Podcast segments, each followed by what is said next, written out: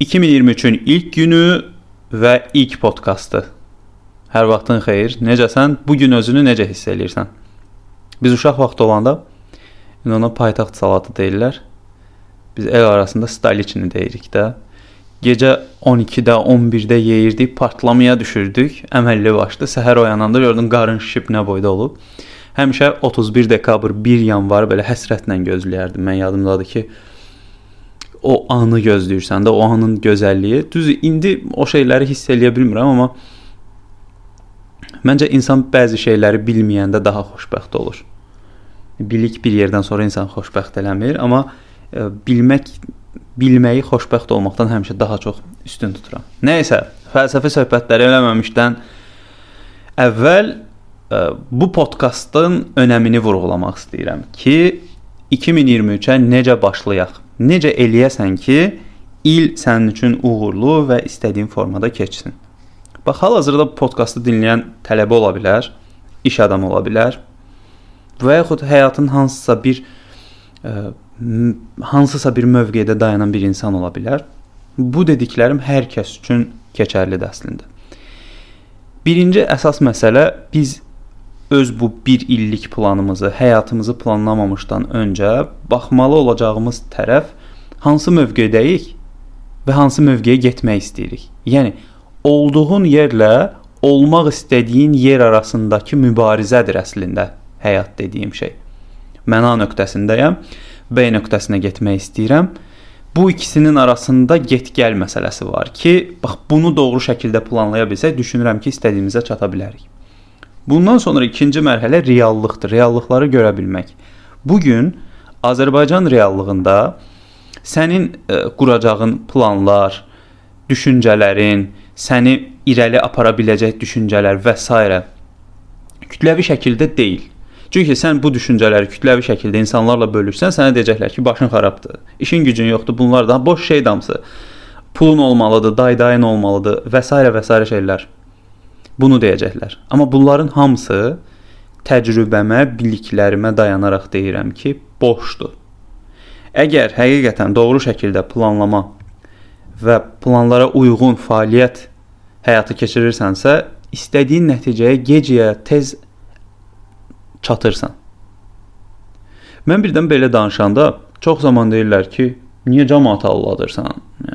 Niyə belə deyirsən? Axı belə bir şey yoxdur. Okay, Qardaş, xaricə də gedə bilərsən. Ürəyin hansı ölkədə istəyir, orada da yaşaya bilərsən. Qəbul eləməyə də bilərsən. Amma bu da mənim fikrimdir də. Mən belə düşünürəm və öz üzərimdə təcrübədən keçirmişəm və təlimlərimdə bunlardan istifadə eləmişəm və görmüşəm ki, həqiqətən alınır. Deyingənlik, şikayət etmək, e, türklər demiş, həyatı doğaçlamağa buraxmaq o qədər də effektiv nəticə vermir. Şuurlu şəkildə plan qurmaq lazımdır. Birinci ən önəmli detallardan biri 2023-də Mən düşünürəm ki, ən birinci etməli olduğun şeylərdən biri bacarıqlar formalaşdırmaqdır. Bacarıq dediyim şey oradan sənə maddi və mənəvi olacaq, ma maddi və mənəvi olaraq gəlir gətirə bilən şeylər nəzərdə tutulur. Yəni sən bir pianino ifa eləməyi öyrənə bilərsən, gitar ifa eləməyi öyrənə bilərsən və ya mahnı oxuya bilərsən və yaxud hər hansı bir peşəni öyrənə bilərsən. Burada sırf məqsəd mən pul qazanım deyə öyrənim yox. Mənəvi olaraq zövq alım. İşin o mənəvi tərəfini birinci yerdə görmək, daha sonra maddi tərəfi düşünmək daha effektivdir deyə düşünürəm. Çünki bir insanın bacarığı nə qədər çoxdursa, o avtomatik olaraq digər insanlardan fərqlənir. Və yaxın 5 il ərzində bizə nə bilirsən yox, nəyi bacarırsan sualını verəcəklər. Yəni sənin diplomunda yazılan o ixtisasın bəlkə də heç bir önəmi qalmayacaq əgər öz sahən üzrə getmirsənsə. Sənin bacarıqların önəmli olacaq. Özünü ifadən, insanlara kommunikasiya qura bilmə, təsir eləyə bilmə, araşdırma və s. Podkastların birində demişəm səfərəməmsə bu fikri. Mən düşünürəm ki, əgər çox yaxşı bir araşdırma eləyə bilirsənsə Google üzərindən, bu Azərbaycanda olan çox universitetin təhsil proqramından daha üstündür. Çünki orada hər şey var. Qısa zamanda hər şeyi tapa bilirsən. Məsələ budur. Bax, bu tipli bacarıqları formalaşdırmaq qısa zamanda maksimum bilikləri əldə etməyə imkan verir. Ona görə bu bacarıqlara fokuslanmaq məsələsi çox önəmli detallardan biridir. İkincisi düşünürəm ki, 2023-də etməli olduğun əsas məsələ sosial aktivlikdir. Sosial aktivlik dedikdə bu tutaq ki, restorana, kafeyə gedib insanlarla kofe içmək, pizza yemək və yaxud klublara getmək və s. və s. nəzərdə tutmuram. Bu da məsələnin bir hissəsi ola bilər. Sosial aktivlik dedikdə əhatə dairəni genişləndirmək nəzərdə tutulur. Yəni müxtəlif sahələrdən olan insanları tanımaq, əlaqə qurmaq, mütləq deyilə sən onunla oturub yeyib içəsən. Əsas məsə məsələ sosial media üzərindən o kommunikasiyanı gücləndirməkdir. Çünki biz buna indi tanışlıq deyirik. Biraz tanışlıq sözü pis çıxır. Networking desək şəbəkələşmə daha yaxşı ola bilər. Şəbəkə halında olduğun zaman daha yaxşı iş tapa bilirsən, daha yaxşı əlaqələr qura bilirsən işin varsa, işini daha da sürətləndirib maddi və mənəvi olaraq gəlirlərini artıra bilirsən. Bu da məsələnin ikinci tərəfi. Birinci də bacarıq, ikinci də sosial fəaliyyət. Üçüncü isə mən düşünürəm işin onurğa sütunudur. Bu mental və fiziki sağlamlığımız. Yəni bədənin fiziki şəkildə sağlam olmalıdır. Yəni sən davamlı olaraq müayinələrə getməlisən bədəninə nəzarət eləməlisən və mental olaraq sağlamlıq, gərəkirsə psixoloq, psixiatr və mental məsələləri düzəldə biləcək, zehni məsələlərini formalaşdıracaq kitablar oxumaq, informasiyalar əldə etmək bunlar önəmli detallardan biridir. Dediyim kimi onurğa sütunudur. Niyə? Çünki tamam biz deyirik canımız sağlam olsun, əsas can sağlığıdır və s. bunu çox zaman sözdə deyirik. Biz nə edirik kütləvi olaraq? Həmişə ucuz və keyfiyyətli adı altında yemək axtarırıq. Amma həkimə gedəndə deyirik ki, həkim nə olar, yaxşı bir həkim olsun. Pul problem deyil, əsası yaxşı olsun. Yəni sən yaxşı qidalansan, əslində həkimə çox gec gedəcəksən də. Bunun əksinə eləsən daha yaxşı olacaq. Bu önəmlidir. Çünki ildən ilə gənc xəstəliklər gəncləşir, fiziki olaraq zəifləyirik, aktiv deyilik və s. və s.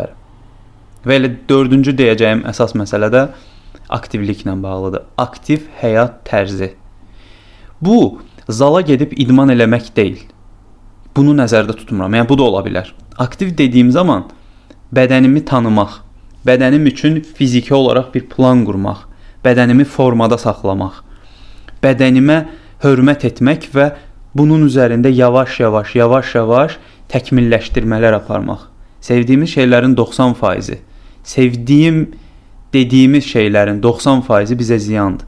Marketdə satılan satılan 99% şokoladlar insan sağlamlığına ziyandır. Sən sağlam qidalanmaya keç, marketə gedəndə heç nə tapa bilməyəcəksən. Düzü sən nə yeyim? Yəni bu e, dərviş kimi yaşayaq və heç nə almayaq, bunun aşılamağı deyil ha. Demək istədiyim aktiv bədən olmalıdır ki, insanın düşüncə tərzi də aktivləşsin. Məsələn, ölgünləşmə gedir. Gündən-günə marağın itir, e, sevgi münasibətində sıxıntı yaşayırsan, dost münasibətində, ailə daxili münasibətlərdə, təhsillə bağlı olan münasibətlərdə bunların hamısı passiv həyat tərzindən irəli gəlir. Aktivlik mütləqdir.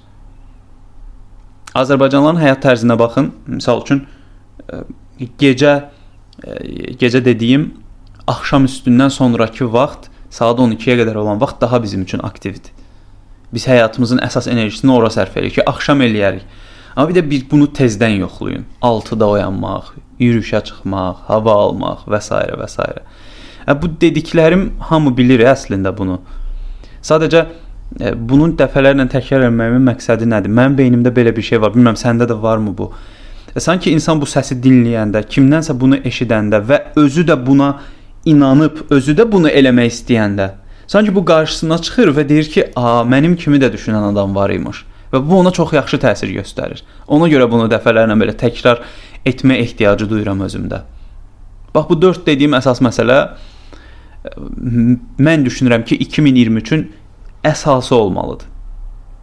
2023-də bu proseslər həyata keçməlidir ki, biz formalaşdıraq özümüzü. Bilirsən necədir? E, elə bir formaya düşməlisən ki, hər yerdə hər zaman özünü uyğunlaşdırıb çalışa biləsən. Elə bir bacarıqlara sahib ola bilməlisən ki, bütün situasiyalarda sən uyğunlaşıb çalışa bilərsən. Məsələ budur. Mən gələcəkdə Danimarkaya köçmək istəyirəm. Alınsa bu il, alınmasa növbəti illərdə. Ola bilər heç alınmasın, amma məqsədim Danimarkada, Kopenhagendə yaşamaqdır və bacarıqlarımı dayanmadan formalaşdırıram, ora uyğunlaşa bilim deyə. Çünki biz uyğunlaşan canlılar olduğumuza görə mühitlərə uyğunlaşmaq üçün sahib olacağımız bacarıqlar bizi 1-ə 5 irəli atmış olacaq. Bax belə. Ümid eləyirəm yormadım səni. Təşəkkür edirəm bura qədər dinlədiyinə görə. Dinlədi dinlədiyin üçün daha doğrusu boğazım tutulur yavaş-yavaş, biraz xəstəyəm. Gedim su içim. Növbəti podkastda görüşərik. Fikirlərin olsa mütləq mənə yazmağı unutma. Görüşərik.